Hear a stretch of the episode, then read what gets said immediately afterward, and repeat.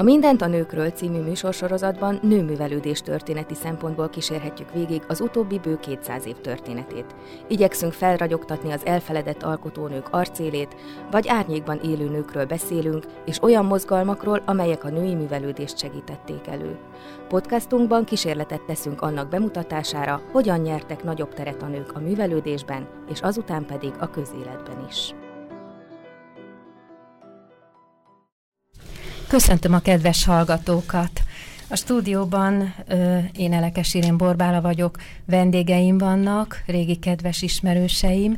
Négyen vállalkozunk arra, hogy egy ö, reményeim szerint csodaszép történetet megosszunk önökkel. Ez egy kicsit olyan romantikusan hangzik, de ha szárazabban szeretnék fogalmazni, akkor arról van szó, hogy ebben a nőművelődés történeti sorozatban igyekszünk elfelejtett női teljesítményeket felmutatni. Ö, most azonban nem egy olyan sorsot fogunk megmutatni, aki mondjuk írásos vagy művészeti teljesítményekkel hívta fel magára a figyelmét, és méltatlanul elfelejtették, hanem egy olyan valakiről, egy olyan nőről lesz szó, aki sok más, sok ezer, sok millió nőhöz hasonlóan a nagy emberek árnyékában él. Az apropója a dolognak pedig az, hogy túl kevés szó esik Kresszanszról, Széchenyi egyetlen feleségéről, a legnagyobb szerelméről, mint majd látni fogjuk munkatársáról. A stúdióban Franco Emilia, Csepregi Klára, Szabó Béla István és jó magam felpróbáljuk idézni ezt a kettős sorsot. Leginkább támaszkodunk arra a kötetre, amelyet Fenyő Ervin állított össze, Széchenyi választása a címe, és tartalmazza Széchenyi István és Zellers Krestanz levelezését 1825-től 1837-ig. Majd látni fogjuk, hogy ez kitüntetett dátum, hiszen az életüknek nagyon fontos, mindkettőjüknek sorsfordító évei ezek, és bizonyos fokig a 37-es év valamiféle lezárás, hiszen azzal, azelőtt egy évvel sikerült összeházasodniuk. Ezt a folyamatot, az egymásra találás folyamatát fogjuk megkísérelni a levelek segítségével bemutatni. Tehát amint említettem, a a nagyszerű kötet, amely bőséges levélanyaggal, és még fontosabb, hogy nagyszerű lábjegyzetekkel, kiegészítésekkel, tehát a legkorrektebben megszerkesztett kötet, vezet végig ezen, minket ezen a folyamaton, ahogy ez a két ember ö, felfedezte egymást, és elválaszthatatlan lett. És azt hiszem, hogy a, a, a közvélekedés től eltérő képet fogunk mi együtt itt a műsor végére kirajzolni. Tehát tulajdonképpen Kresszansznak nem, és a házaspárnak sem nem törekszünk arra, hogy az egész életét végig tekintsük, mert ez a forrás itt befejeződik, és ez olyan komoly és korrekt forrás, hogy ö, jobb nekünk erre támaszkodni. Ígérik, hogy a folytatása meg fog születni a a könyvnek, és akkor tovább mehetünk az életrajzban, de akkor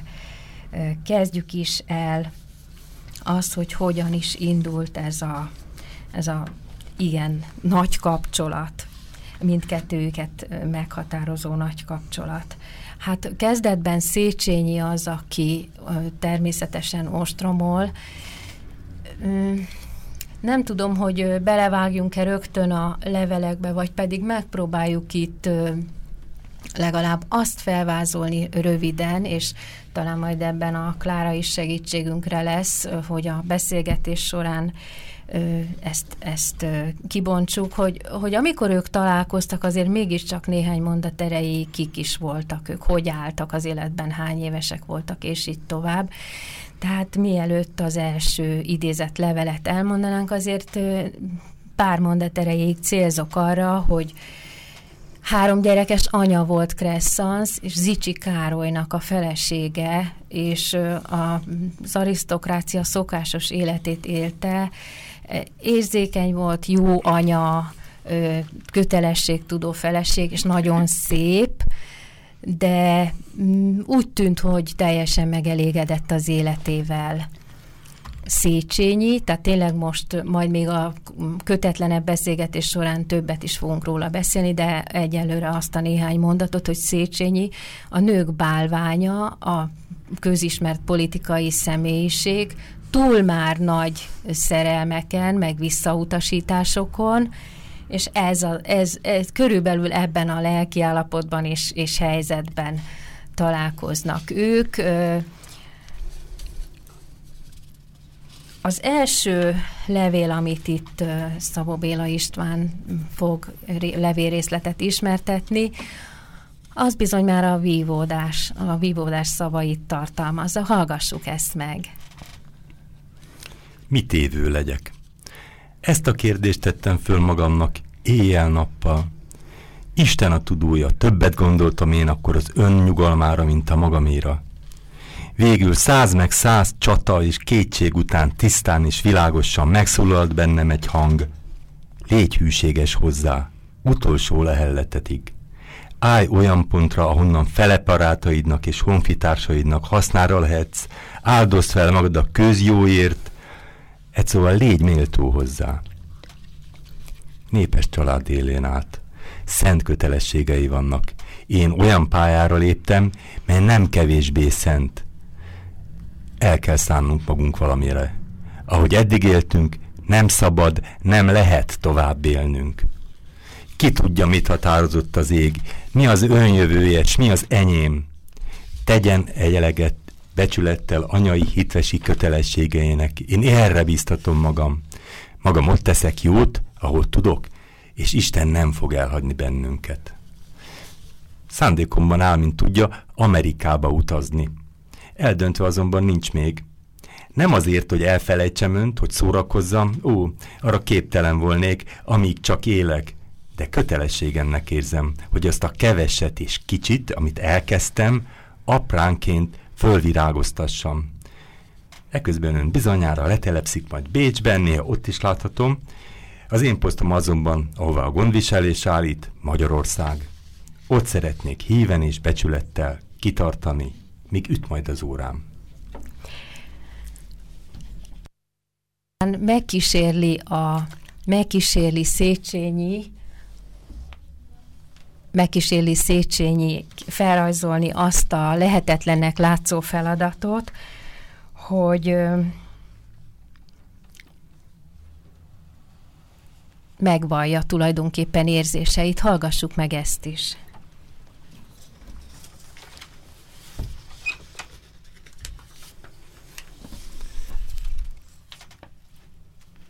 Bizony, hogy mennyire fontos és nélkülözhetetlen a nemzeti nyelv, azt nem kíván bővebb kifejtést, egyáltalán nem. Ki ne látná be, mennyire szent kötelessége minden egyes embernek.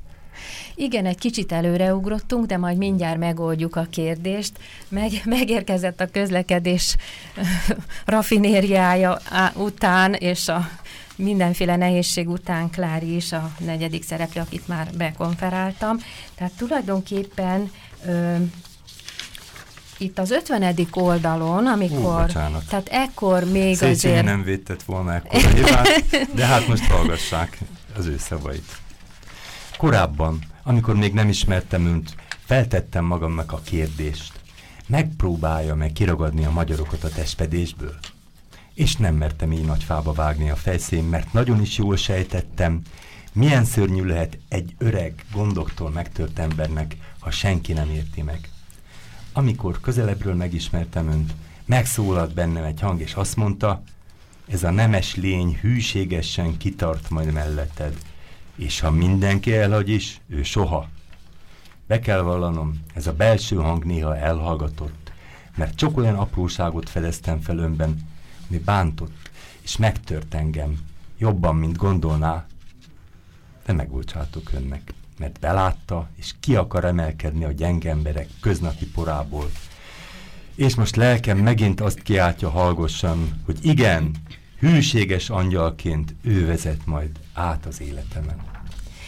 Ez a, ez a levél, ez, és ez az utóbbi részlet, ami egy kis lapcsere folytán másodszori nekifutásra hangzott el, pontosan ez, hogy korábban, amíg nem ismertem ön, ez a kis részlet, ez magában hordja a kapcsolatnak. Ha figyelmesen nézzük, és ahogy talán kibontjuk a műsorban a kapcsolatnak az ellentmondásait, hiszen már itt utal arra, hogy bizonyos olyan jellemvonásokat fedezett fel, amik megrémítették Reszanszban a, a nagy embert, de itt ö, végül is mégiscsak egy vallomásban végződik, mert mégiscsak azt mondja, hogy igen, úgy érzi, hogy ez a valaki ki fog mellette tartani.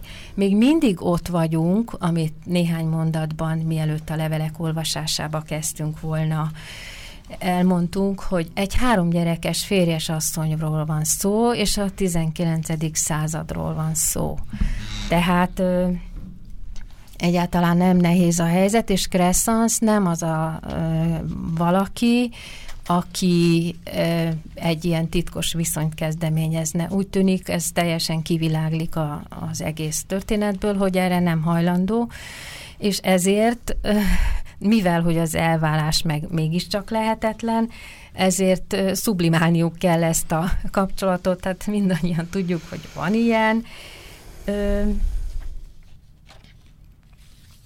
És ezért tulajdonképpen az érzelmeik taglalása helyett egy közös nagy dolgot találnak maguknak, ez pedig Magyarország.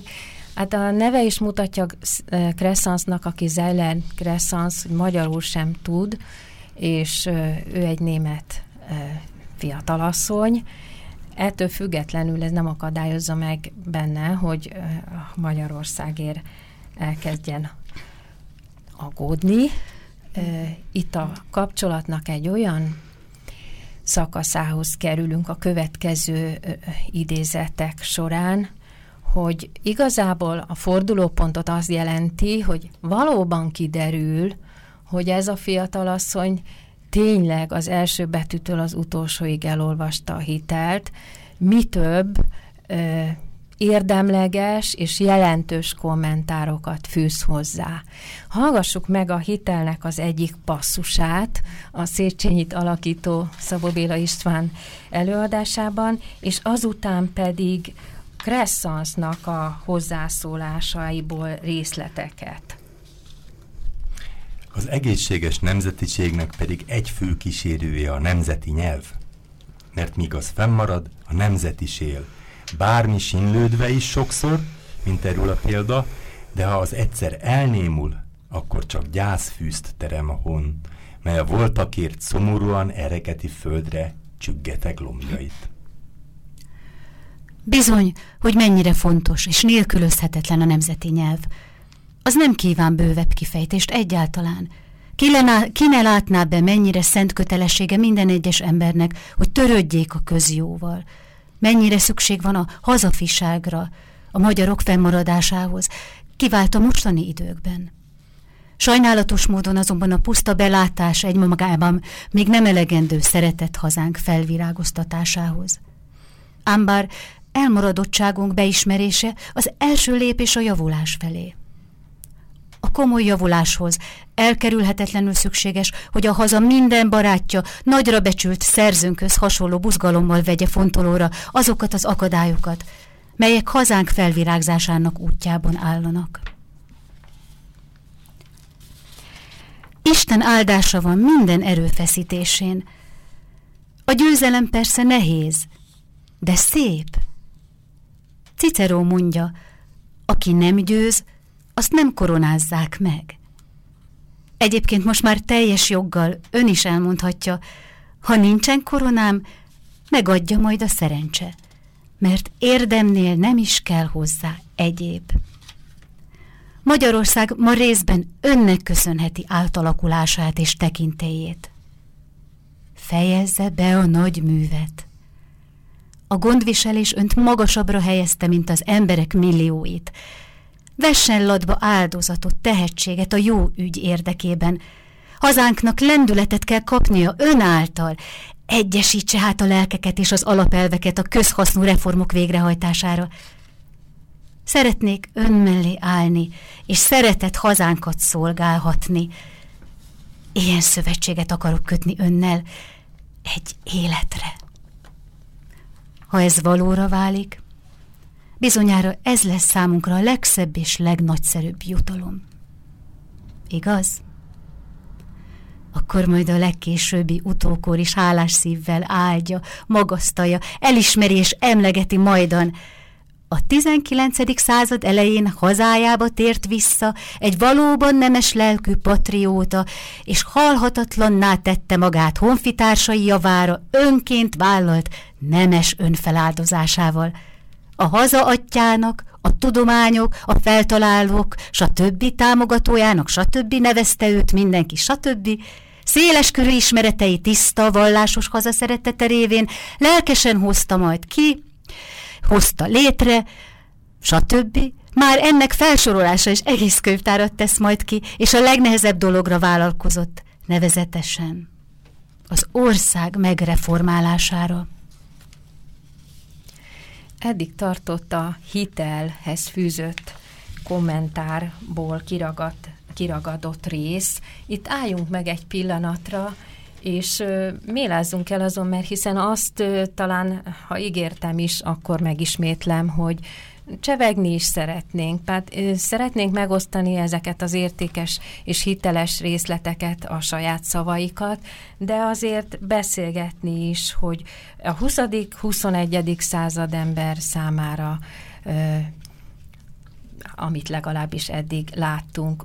Ugye talán kiviláglott, hogy megpróbáltak, megpróbáltak más síkon összekapcsolódni, kifejezetten lelki síkon. Elmondtuk, hogy egy fiatal három gyerekes anya volt a Crescens, amikor találkoztak, és nem óhajtott valamiféle dupla kapcsolatban, meg bujkálva semmiféle engedményt tenni, de Széchenyi sem volt idős, bár itt az egyik levélben valami öreg embernek nevezi magát, de hát a, nem is tudom hány év volt köztük Klárika, emlékszel rá, olyan hat körül, körülbelül így. Tehát két, két fiatal ember, aki, aki szövetkezik valami másra, valami nagyobbra, mint amit a magánélet apró cseprő örömei nyújthatnak. Nem tudom, hogy kinek, van-e valakinek közülünk erről véleménye vagy gondolata? Nekem tulajdonképpen az lenne az első mm, megjegyzésem a témához, hogy nézzük meg már, hogy honnan indult Zeiler Crescens. A családja a második József udvarában, mármint hogy az édesapja második József udvarában volt, magas beosztásban. Második József nagyon nagyra értékelte. Az édesapja 51 éves volt, amikor meghalt, és három árvája maradt. Crescens akkor mindössze hat éves volt. Az édesanyja ott maradt gyakorlatilag jövedelem nélkül. Mi ilyenkor a teendő, vagy mit lehet tenni? Édesanyja testvére, a nagybátyja vette gondjai alá egy nagyon kemény, rigorózus, gyermektelen, ö, szigorú ember, aki azért, hogy a testvére családját gyámolítsa, és a családi vagyont megmentse, ezért feladta az egyéni ambícióit, és, és a madridi követség helyett a családi ügyek intézését vállalta. Nem volt valami hűde nagy és vonzó karrier. Egy Brüm melletti birtokon gazdálkodni, vidéken, ahelyett, hogy a társas életet élte volna, vagy élette volna. És amikor a nagyon jó eszű, és felvágott nyelvű, és élni szerető, és talpra esett Crescens, akire nyugodtan lehet mondani az égedelem jelzőt, a tanárnőit bosszantotta a, a középiskolában, abban a híres középiskolában, illetve egyáltalán általános iskolában, ahova került 1808. augusztus 10-én, és élte az ottani diákok mindennapjait. Hogy is néztek ki ezek a mindennapok? Nagyon szigorú, nagyon beszabályozott élet, de a társadalmi élethez szükséges legmagasabb képzést megkapták. Ezt nem szabad elfelejteni. Aki ebben az iskolában végzett, a, a szaléziánusokhoz járt, az ugyanolyan volt a lányoknak, mint a teréziánum a fiúknak, tehát azok palota hölgyek lettek. És amikor egyik alkalommal a nagynéni, az egyik nagynéni beszámolt a gyámnak, hogy milyen csényeket követel, akkor a nagybácsi imégyen válaszolt. Egy pillanat, meg kell találnom a jegyzeteimet.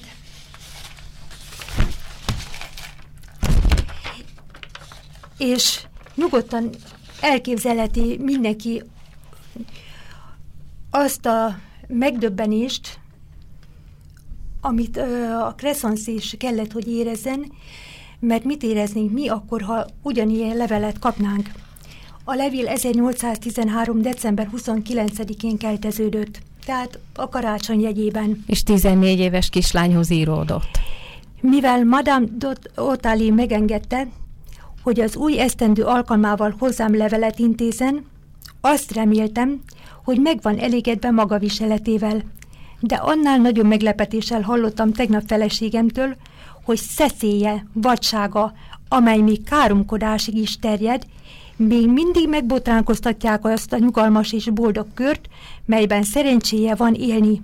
Ha már most, mint kisleány, megveti mindazt, ami saját nemét tiszteletre méltóvá teszi, ha ebben a korban sem tudja fékezni szenvedélyeit, és e viselkedése által elijeszti magától társnőit, s megzavarja őket, ne remélje, hogy az én házamba visszatérhet.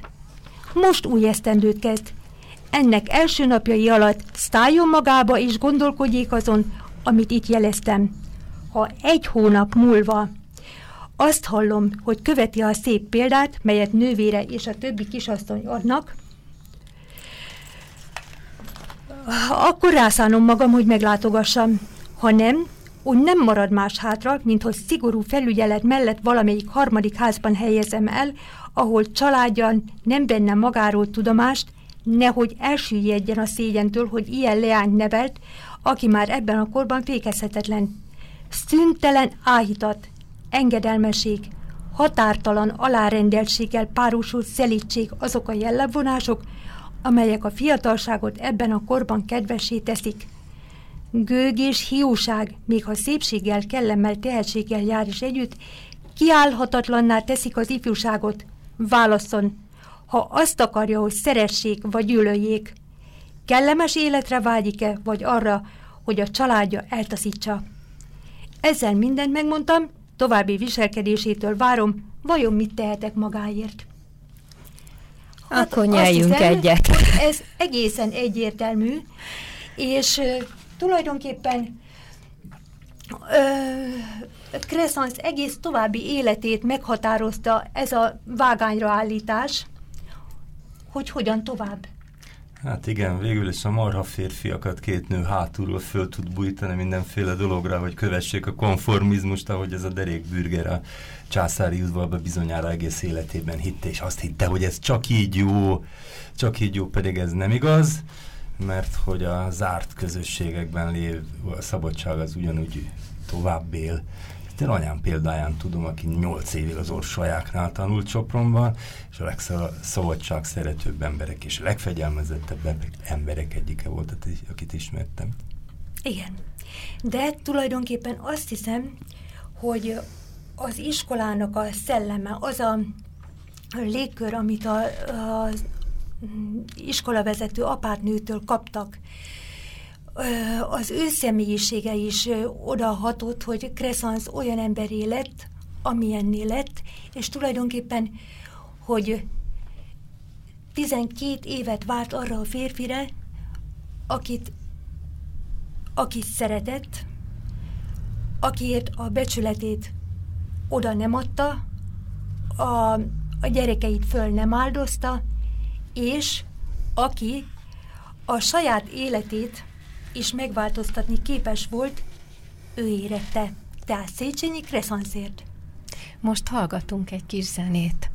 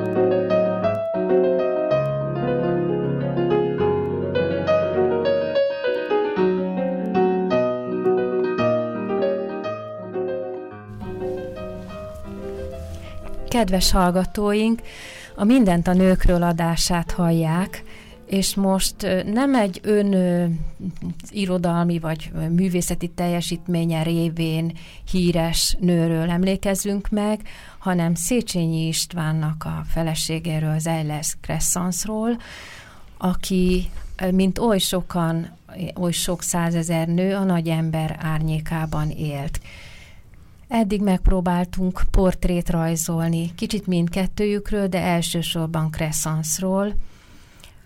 Ott tartottunk, hogy egy ö, olyan súlyos levelet kapott fiatal zsengel kislánykorában, hogy itt megállt az ütő közöttünk is, Valószínűleg, hogy ez alaposan eltérítette a pályáját, és próbáljunk el eljutni ettől a dörgedelmes levéltől addig a pontig, hogy ő Zicsi Károly felesége lesz.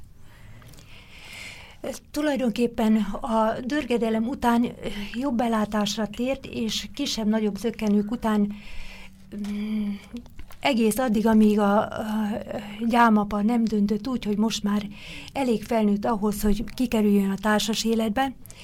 Ennek a dátumát sajnos nem sikerült megtalálnom. Akkor már úgy félszemmel nézőként beletekinthetett az udvari bálokba, főleg a nővére révén. És Ugye özvegy édesanyja volt, ezt már igen, mondtuk a zene igen, előtt, igen. tehát nem volt mindegy, hogy hogy szerepelnek a lányok. Így van. A, mivel gyönyörű teremtés volt, gyönyörű, azt mindenki elismeri, hogy a szépséget tüneményes volt. Többeknek megtetszett, de nagyon fiatalka volt ahhoz, hogy erre érdemben reagáljon. Na, kezdett ilyen préserlevél küldő, vagy virágküldő szerelem után, meg verse, verset küldő szerelem után ifjabb Zicsi Károlytól kapta a nagy ajándékot, amit a gyámapa sem tudott visszautasítani. Ő még csak vissza tudott volna, már mint Crescens, de a gyámapa nem, hogy ennél jobbat aztán nem fog kapni. Tehát Házassági a, ajánlatot? Egy hatalmas gyémántűt, és benne a házassági ajánlatot. Azért mondjuk el, hogy túl volt már első legénységén Zicsi Károly. Olyannyira, hogy nem, nem hogy az első legénységén volt túl, hanem az első két házasságán is. Az elsőből két fia maradt, a másikból hat. Öm, és Crescens a maga 19-20 évével vállalta, hogy ő ennek a 40 körüli, 40 fölötti férfinak, aki majd, hogy nem apja lehetett volna, és az összes gyerekének jó nevelőanyja lesz. A lányok különösen nagy örömmel és barátsággal fogadták, de a fiúknak sem volt ellene kifogása semmi. És ö, tulajdonképpen mm, ebben az állapotban el is lett volna a szerelmet és a, tehát a lángoló saját szerelmet nem ismerve, mert uh, nem volt szerelmes a férjébe. Nem úgy a férje. A férje ugyanúgy, mint ahogy később Széchenyi, szintén általa élt. És Crescens hű maradt az esküjéhez. Talán nem is csak a szigorú vallásossága miatt, amit abszolút komolyan vett mindig is, de ő a férjének hű felesége, a rábízott gyerekeknek jó anyja, és önmagának mondjam azt, hogy méltó partnere volt, aki mindig egyenesen néz a világba, és senki kedvéért nem hajlandó görbeutakra. Tehát az én képéhez ezek szerint ez, a, ez az összesen ennyire hozzátartozott, még nem aztán valamilyen bálon, ha jól emlékszem. Igen, találkozott Széchenyivel. Széchenyi először megpróbált flörtölni vele, ez nem jelentett számára az első látása semmi többet, mint, mint, mint az összes addigiak, mert hiszen Széchenyi volt már korábban rendkívül szerelmes, halálosan szerelmes, de hogy mit jelent az, hogy úgy szerelmesnek lenni, hogy a szerelmet ö, egy önmagunknál különb cél érdekébe állítani, ezt akkor tudtam meg először. Ez a folyamat nem ment már hónapra, és tulajdonképpen ez volt a haza. A, a haza szeretet, a nyelv szeretete, az ország felvirágoztatása, és ebben Crescens abszolút mértékben partner volt. Most érkeztünk el oda, ugye, hogy el is hangzott már, hogy a a hitelt végigolvasta, és érdemleges és hosszas kommentárokkal látta el, amiből mi persze csak töredékeket tudtunk idézni. Erre Széchenyi a naplójában a következő elragadtatott szavakkal reagált. Nem élek hiába. Crescens elküldte nekem megjegyzéseit a hitelről. Minő kiváló, gyöngét, kedves lény. Mi tiszta vélekedés, mi helyes ítélőerő. Ó Istenem, minő megpróbáltatás így lényt ismerhetni, és nem tartozhatni hozzá szorosabban. Élveztem a reggelt. Ebben ö, látjuk, hogy ö, nyilvánvaló, hogy még mindig szellemi síkon van a kapcsolat. Itt aztán a történések sorában a leveles könyvben is levelek garmadája következik, amelyek mind az aktuális politikai dolgokról, hétköznapokról is persze beszélnek, és, és ugyanakkor a legnagyobb szeretet hangján is. Tulajdonképpen a műsor elején felolvasott egyik levélrészlet éppen arra mutat, hogy hogy Széchenyi konkrétan programmá teszi azt, hogy ebből tényleg barátságot, ilyen plátói barátságot, ha másképp nem lehet, akkor azt csinál. Most mégiscsak nagyot ugrunk a történetben, mert hát 12 éven át tart a levelezés, mindketten hevesek, mindketten érzékenyek, szeretik egymást, hol így, hol úgy, hát próbálják ezt a plátói változatot önmaguknak is, önmagukkal is elhitetni több-kevesebb sikerrel, és hullámhegyek és hullámvölgyek tarkítják a kapcsolatot.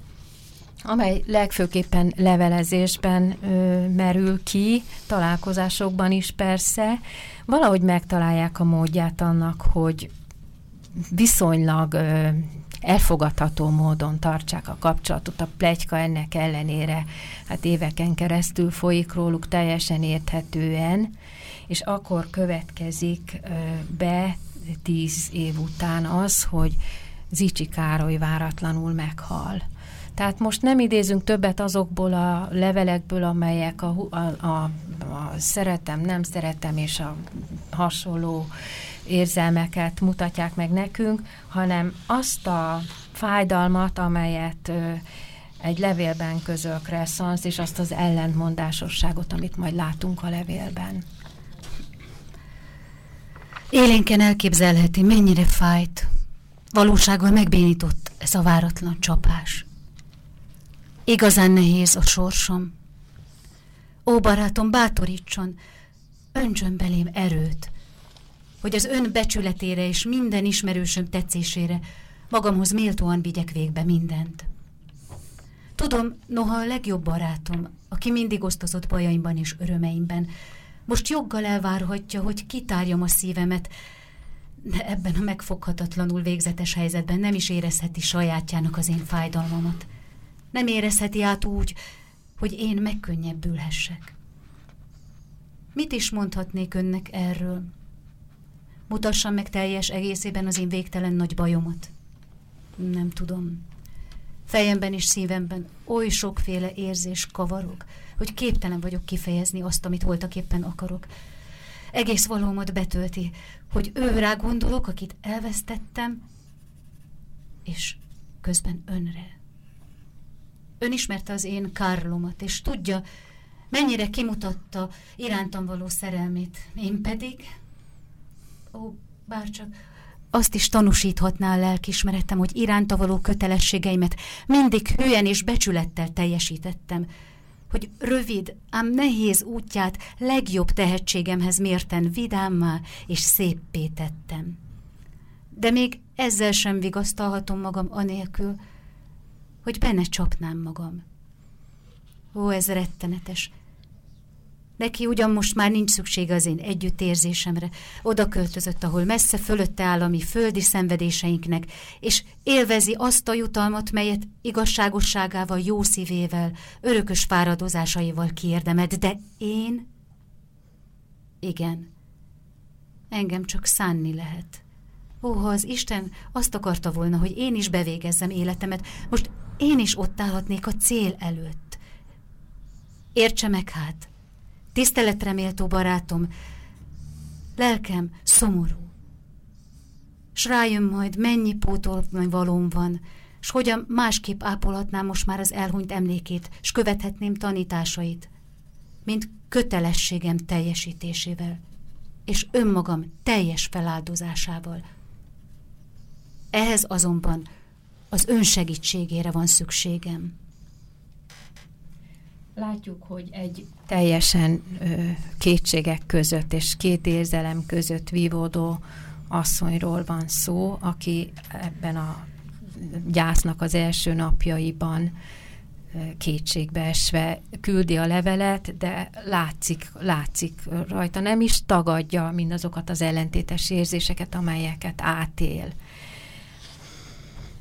Természetesen Széchenyi tíz évi várakozás után noha tisztában van vele, hogy az egyéves gyászidőt le kell tölteni, muszáj, alig várja, hogy ő valóban most már a világ előtt is magáinak tekinthesse Kresszant, és elvehesse feleségül, is együtt élhessenek.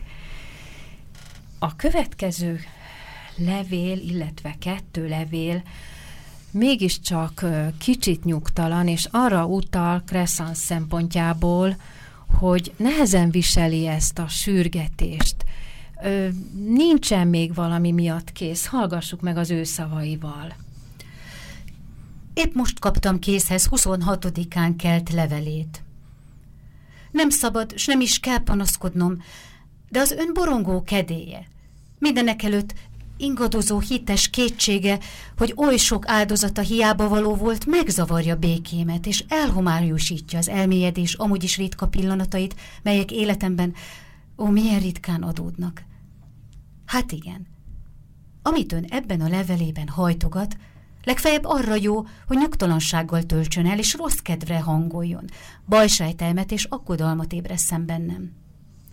Szegény szívem nem elég erős ahhoz, hogy uralkodjék érzelmeimen, hogy visszaadja lelkem nyugalmát. Higgye el, nagyon lehangol, amikor igazságtalanul tesz nekem szemreányásokat. Tényleg boldogtalannak érzem magam, amikor folyton csak veszekszik velem. Ez mindaddig mordos, míg újra nem kapok egy jó szót. Jelenlegi szomorú helyzetemben felülülésre lenne szükségem. Erőre, de remélhetem ezt örökké civakodó barátomtól? Igazán nem tudom, mit kellene tennem, mit írjak önnek, ha minden szavamból keserűséget, ridegséget, stb. vél kivenni. Ilyen körülmények között egész levelezésünk csak soha véget nem érő perlekedéshez vezet. Ha többé nem tudunk már békességben élni, egyenesen kötelességünk volna inkább kerülni minden alkalmat, mintsem megmérgezni minduntalan egymás életét, anélkül, hogy segíthetnénk egymáson. Ez volt az első levél, és pár nap múlva ismét csak ezt a feszültséget érezzük. Tehát ez a, ugyanis, még mielőtt a második levélből is idéznénk, ugye kettő esztendő várakozás van még itt a, a házasságkötésig. Tehát egy újabb, kicsit keserű levél, ami csak azért érdekes, mert önreflexiókban gazdag levél. Fölméri a saját helyzetét. Nagyra becsült barátom, újból összefut két levele, és csak most akad egy csöndes órám, hogy válaszoljak önnek. Ám tudnia kell teljes bizonyossággal, hogy nagyon szívesen írok önnek, és ezt csak akkor nem teszem, ha valóban akadályok tornyosulnak elém. Úgy látszik azonban, mintha nem nagyon hinné el, mennyire felgyülem lettek tennivalóim. Folyvást azért korhol, hogy nem osztom be rendesen az időmet. Megfeledkezik arról, hogy én egy szemében vagyok háziasszony, gazdasszony, anya, nevelőnő, házi tanító és pestra. Leveleznem kell távolban tartózkodó gyermekeimmel, rokonaimmal is – és ezen kívül Isten tudja még, hányféle kellemetlen dologgal foglalkozom. Ebből származik, drága barátom, hogy még a legkedvesebb, legkellemesebb dolgaim ellen elintézésére sem jut időm. És gyakran, mint ezúttal is, a számomra legbecsesebb leveleket is felbontatlanul hagyom, egészen addig, amíg végre szakíthatok magamnak néhány nyugodt pillanatot. Egyébként jó anyám, aki most két hetet tölt nálam, igénybe veszi minden időmet. Kézi munkájával már reggel hét órakor beül hozzám, és egészen késő estig együtt vagyunk. Itt van az érem másik oldala, itt van a, azok a dolgok, amit egy vívódó nő átél, amikor közben a világban folynak a hatalmas nagy dolgok, hogy anyuka beül és estig szórakoztatni kell, és tényleg millió, kismillió kötelezettség van. Béla, te férfi emberként hogyan hallgattad ezeket a kicsit szemrehányó leveleket? Nem olvastam a Széchenyi leveleket sajnos, de be, Ez a Crescens levele. Ö, igen, de azért igen. kíváncsi lettem volna, hogy, mi, hogy mit cselező, a, mert hogy cselezik az egészen biztos, mert nyilvánvalóan mindig a nők választanak, és ahogy a nők hittem, ennek a választásnak a folyamatában lehet ebbe a néhány levélbe beleszagolni. És szörnyű lehet egyébként Crescensnak is, hogyha a kedves mama beül, és aztán estig ott van a nyakám, ez szörnyű. Az a szörnyű, hogyha az embernek az az érzése, hogy mindenkinek meg kell felelni. Meg kell felelni a szerelmesnek, meg kell felelni a gyerekeknek, meg kell felelni a rég nem látott mamának, az embernek önmagának, esetleg még a társadalomnak is. Ez egységesen szörnyű, mert a nap csak 24 órából áll, és a, a nő ereje is annyi, amennyi, és nem több, és nem kétszer annyi. Ezt magunkról tudjuk. Van itt még egy kis apró részlet, ami szerencsére már kevésbé keserű annyiban, hogy azért itt világosan tisztázza Kresszansz, hogy mit jelent neki Széchenyi. Ó, drága barátom, ne keserítsük tovább egymás életét, hagyjon már fel végre azzal, hogy kéréssel, szemrehányással ostromol egy szívet, mely tíz éve már amúgy is oly boldogtalan az egymással perlekedő hajlandóságok állandó zűrzavarában. Mióta megtanultam becsülni az igazi értéket, más szóval tudok igazán érezni. Csak önt, és csak is önt szeretem. Ezt akarta, és el is érte. Most azonban lelkem békéje véget, könyörgök, bizonyítsa be nyomorult helyzetemben is, hogy nyugalmam szent önnek, és soha ne felejtse, hogy tisztelettel és kímélettel tartozik nekem. Ez többször előfordul a levelekben, itt nem idézett levelekben is, szinte ugyanezzel a szóval, ne sértse meg az önbecsülésemet, tisztelnie kell engem. Valahogy úgy tűnik, hogy ezt annyira védelmezi, hogy enélkül talán, talán ki menne alól a talaj. Tehát ez így többszörösen fölemlegetődik. Hát meg nyilván a Széchenyit is befolyásolni akarta, amikor már a választása megtörtént, akkor úgy alakította Széchenyi jellemét, vagy a kívánságát, ami hát igen nagy volt, ahogy neki jó. És ezzel semmi baj nincs, mert hát a világ az ilyen. A világ az olyan, hogy Széchenyi ebben az esetben, mármint konkrétan, nem százas fordulaton, de legalább 150-nel zsongott, és ugyanezt várta volna Kresszansztól is, de amíg Széchenyi jobban a társadalom fele fordulhatott, Kresszansznak azért emellett még meg volt a maga mindennapi földön járó teendője. Azzal együtt, hogy Széchenyi is nagyon jó volt a Kresszansz Zicsi gyerekeihez is, nem csak a hogy egy kicsit előre mondják a dolgoknak a saját gyerekeihez. De olyan odaadást várt tőle, amit huzamosan, éveken át, a nap 24 órájában megadni fizikai és lelki képtelenség, az felőrlődéshez vezet, és meggyőződésem, hogy Kresszansz ezért védi ennyire a nyugalmát, a, a, a saját kis szféráját, hogy azt ne tegye tönkre, mert ahhoz ragaszkodik, ezért követeli ki, hogy tisztelje. És hát ugye nem volt arra idő, hogy azt a rengeteg levelet elolvassuk, és pontosan azok az intellektuális levelek garmadái maradtak ki, amelyekben Kresszansz bebizonyította, hogy szellemi társ, és valami lehetetlenre vállalkozik, hogy, hogy mind a mellett, hogy értő partnere és értőtársa a nagyembernek nem akar kompromisszumot kötni, lehet, hogy túlzottan perfekcionista is, de nem, nem akarja a többi feladatait sem elhanyagolni. Most azonban a keserű levelek után következik két olyan levélrészlet, amely a végre megtörtént házasságkötés után született. Ezeket egymás után olvassuk el, meg fogjuk látni azt a hangvételt, ami itt most megváltozott. Elvállásunk utolsó pillanatában tanúsított hebehúrja viselkedésem, azóta is nyomja a szívemet. Egyáltalán az a gondolat, hogy bármivel is kiérdemelhetem nem tetszésedet, elviselhetetlen nekem. Ó, milyen elégedetlen vagyok önmagammal, és reszketek a leküzdhetetlen rossz természetemtől, Ám hibázni emberi dolog, sajnálom, és tiszta szívemből bánok mindent, amivel akár csak egyetlen kellemetlen pillanatot is okozhattam az én drágámnak. A jövő, jövőre nézve elhatároztam, Hogyha bizonyos dolgokat nem tudok nyugodtan és szeliden szóba hozni, akkor inkább magamba folytom. Soha többé nem bántalak meg szándékosan, ellenkezőleg – Tőlem telhetően szeretném megszépíteni az életedet, s mindent megteszek, hogy szerelmedre és megbecsülésedre méltó lehessek.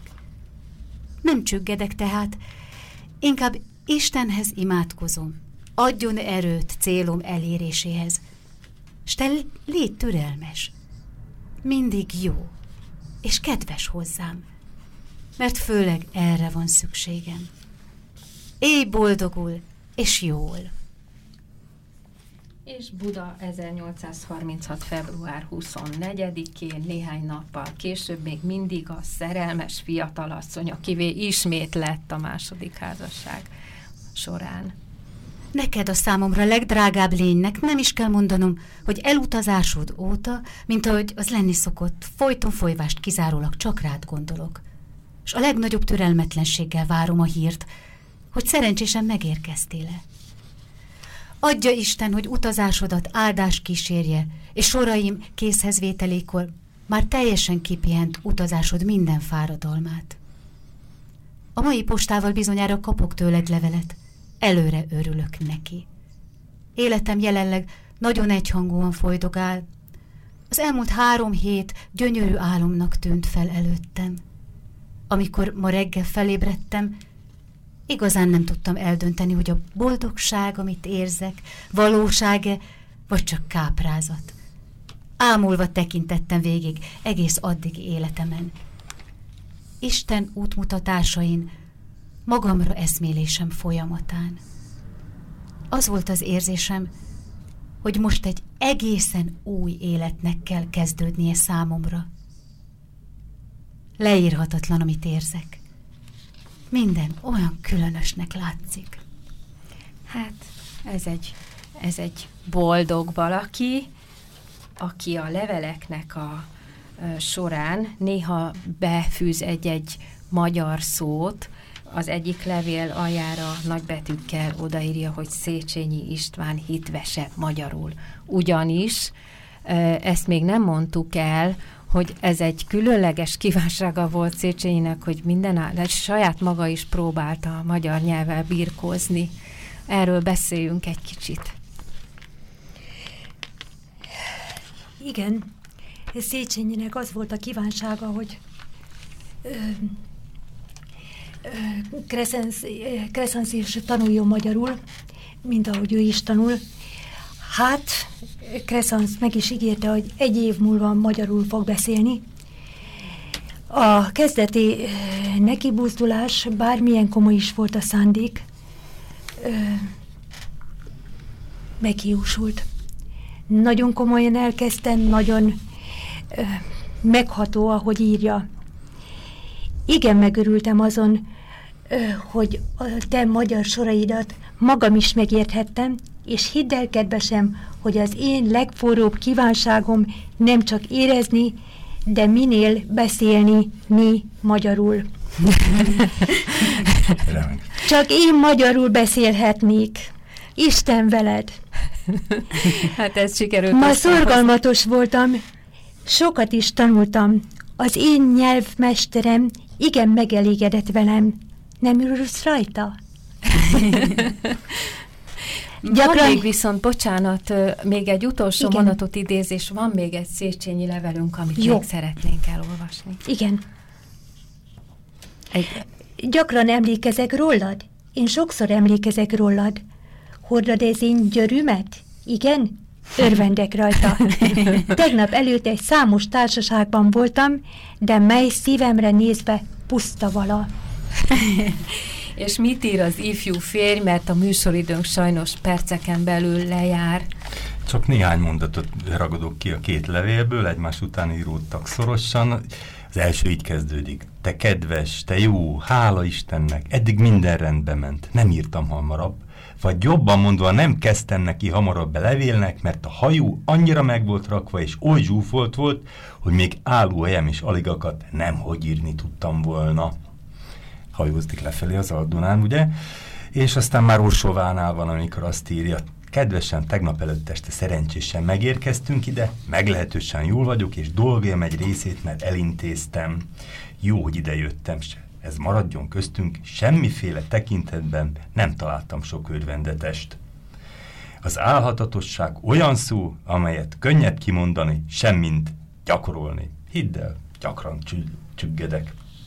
A könnyű győzelemnek nincs varázsa, de ha túlságosan sok és túlságosan hosszantartó az akadály, különösen ha az emberek gáncsolnak, végül mégis egészen eltompítják az ember. Rád vár, hogy bátorságot önts belém, hogy oly sokszor kemény életemet megése, megédesítsd. Nagyon csillapodhatatlanul vágyom utánad, és szükségem van erősítésre minden tekintetben.